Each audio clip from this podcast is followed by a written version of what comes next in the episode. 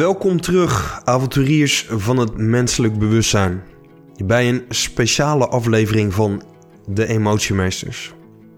Vandaag, in deze editie, op Valentijnsdag, duiken we in de complexe wereld over de diepte van liefde.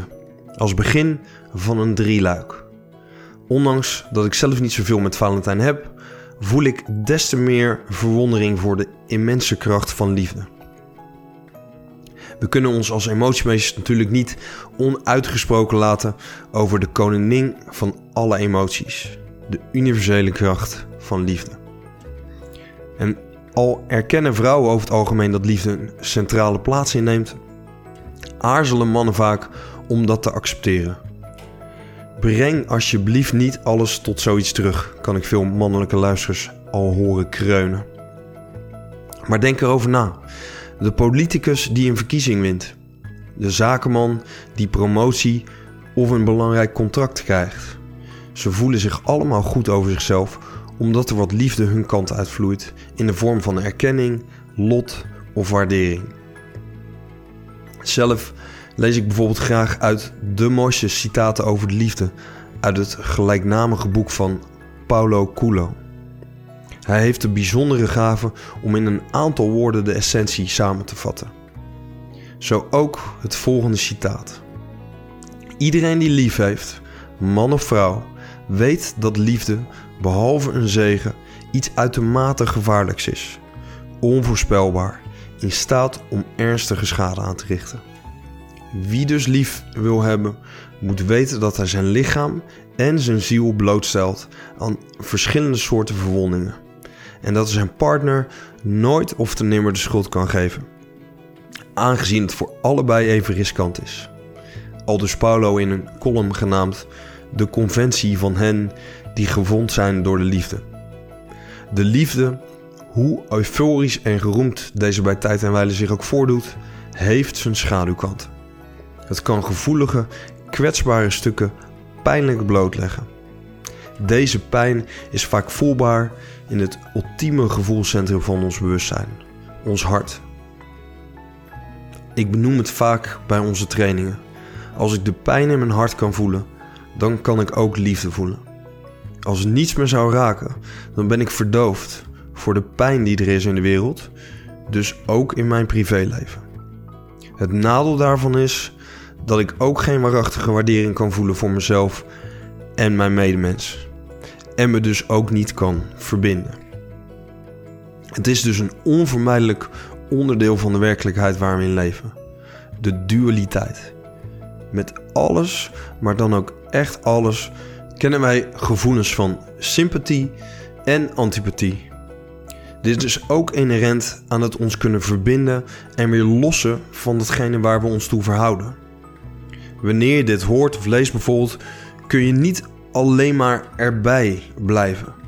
Je luistert en neemt dat wat je hoort weer mee terug naar binnen om te toetsen. Hoe verhoud ik me hiertoe? Wat zit er al voor overtuigingen op dit gebied in mijn referentiekader?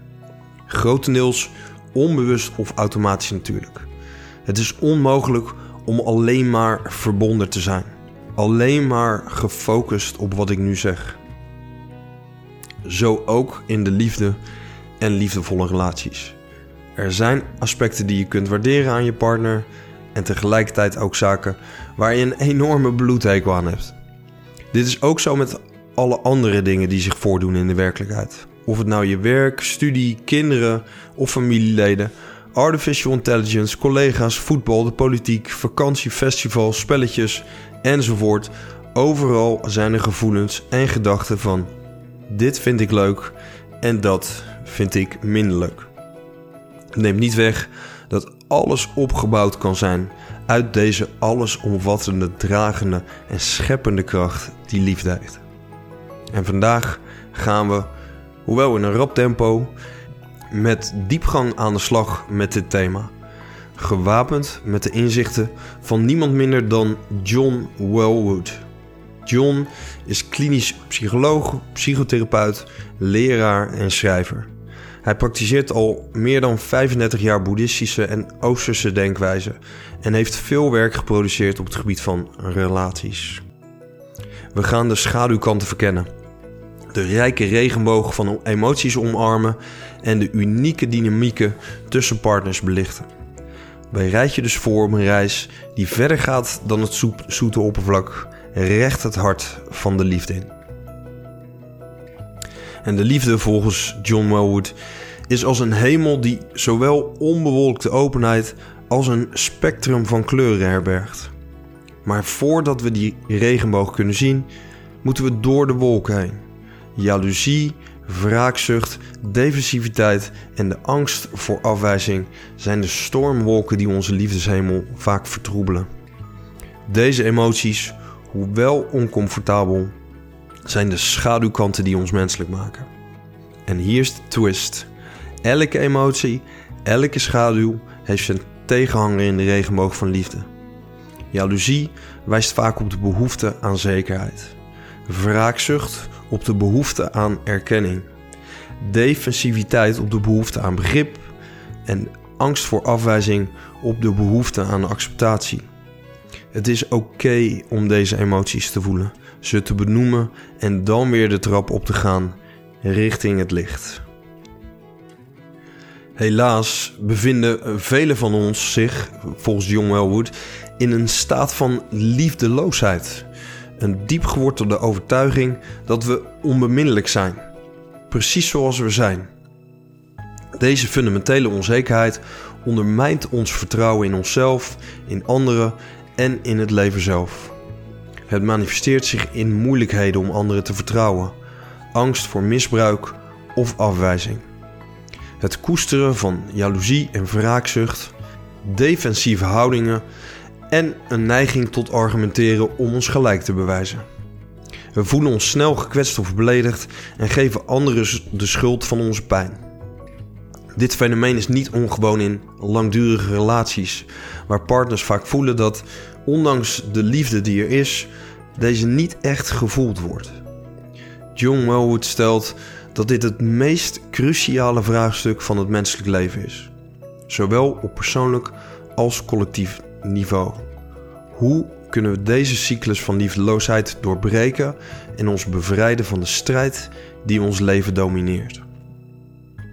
Hij benadrukt dat de sleutel tot het overwinnen van deze staat van liefdeloosheid ligt in het erkennen en accepteren van je eigen kwetsbaarheid.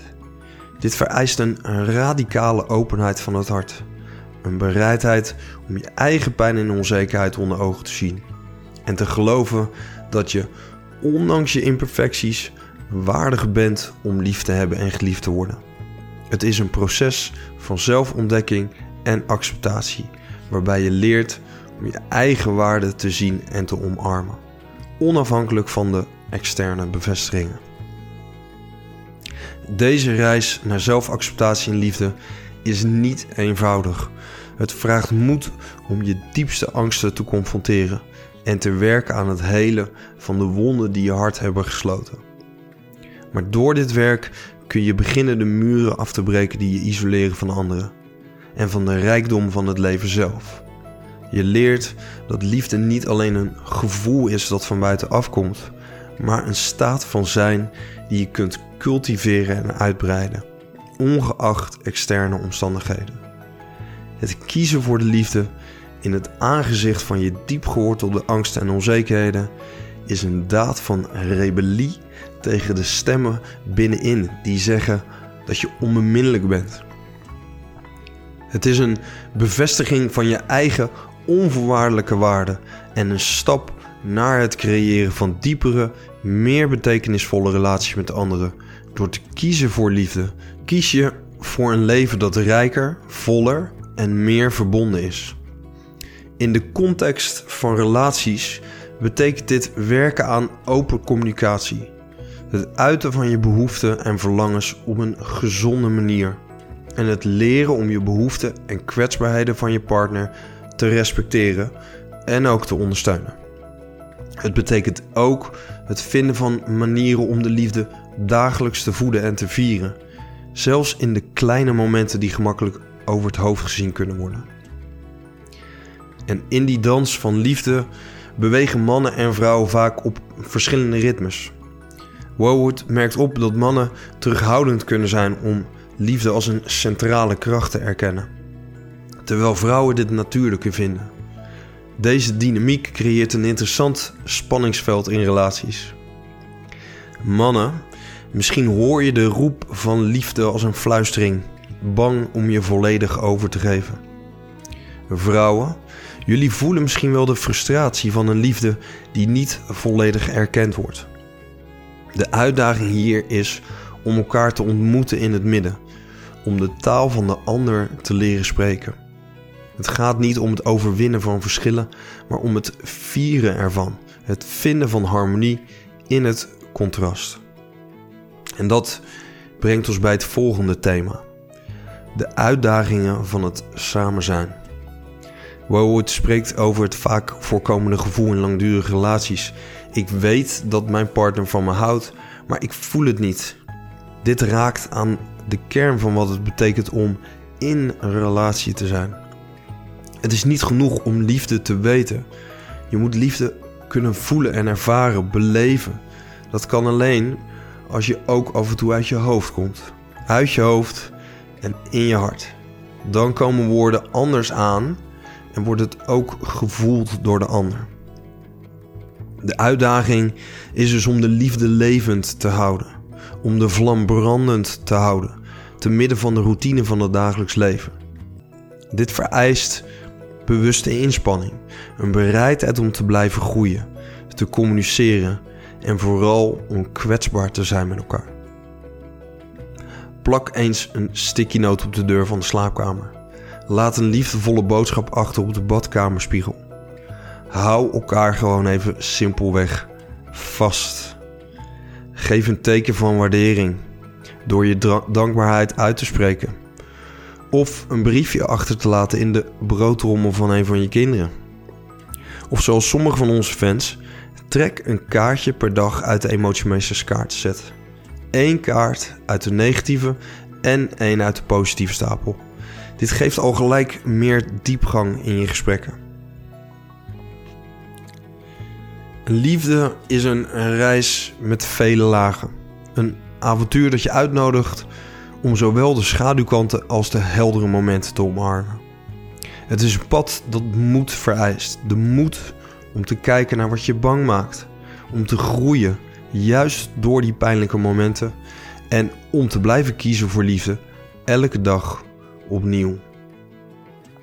De reis van liefde is dus een pad van transformatie. Het vereist dat je de diepte van een liefdeloos hart verkent.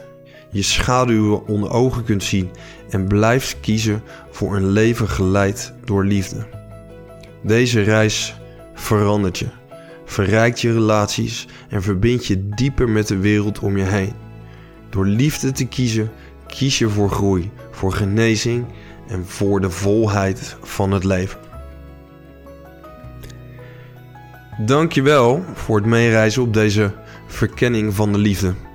Ik hoop dat het meer vragen oproept dan antwoorden geeft. Dat het je nieuwsgierigheid heeft gewekt naar meer ontdekkingen en nieuwe horizonten. Mogen je pad verlicht worden door zowel de lessen van de schaduw als de schoonheid van de regenboog. In deze aflevering van de Emotiemeesters heb je de complexiteit van liefde verkend. Van de donkere wolken tot de schitterende regenboog.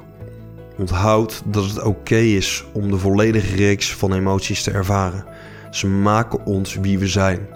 En in de dans van liefde, in de uitwisseling tussen geven en ontvangen, vinden we onze ware kracht. En wij hebben een handige kaartset ontwikkeld waarbij je dit voorgenoemde proces eenvoudig en letterlijk kunt doorlopen. Dus sta je op dit moment op liefdesgebied in de donkerste, diepste krochten van je ziel, dan hebben wij bij de Emotiemeesters nog een lichtpunt voor je. Een kaartset die op speelse wijze de mindfuck waar je nu in zit om te buigen. Zodat je weer kunt opstijgen tot boven het maaiveld en kunt genieten van de strakke blauwe lucht die immer aanwezig is. In de volgende aflevering borduur ik verder op de verborgen kracht van liefde en hoe dit de drijvende motor is achter bijvoorbeeld creativiteit. Geïnspireerd door het werk van Napoleon Hill. Tot de volgende keer. Blijf voelen, blijf liefhebben en blijf groeien. Kijk op www.emotiemeesters.nl voor meer info. Voor nu een liefdevolle Valentijnsdag en tot de volgende keer.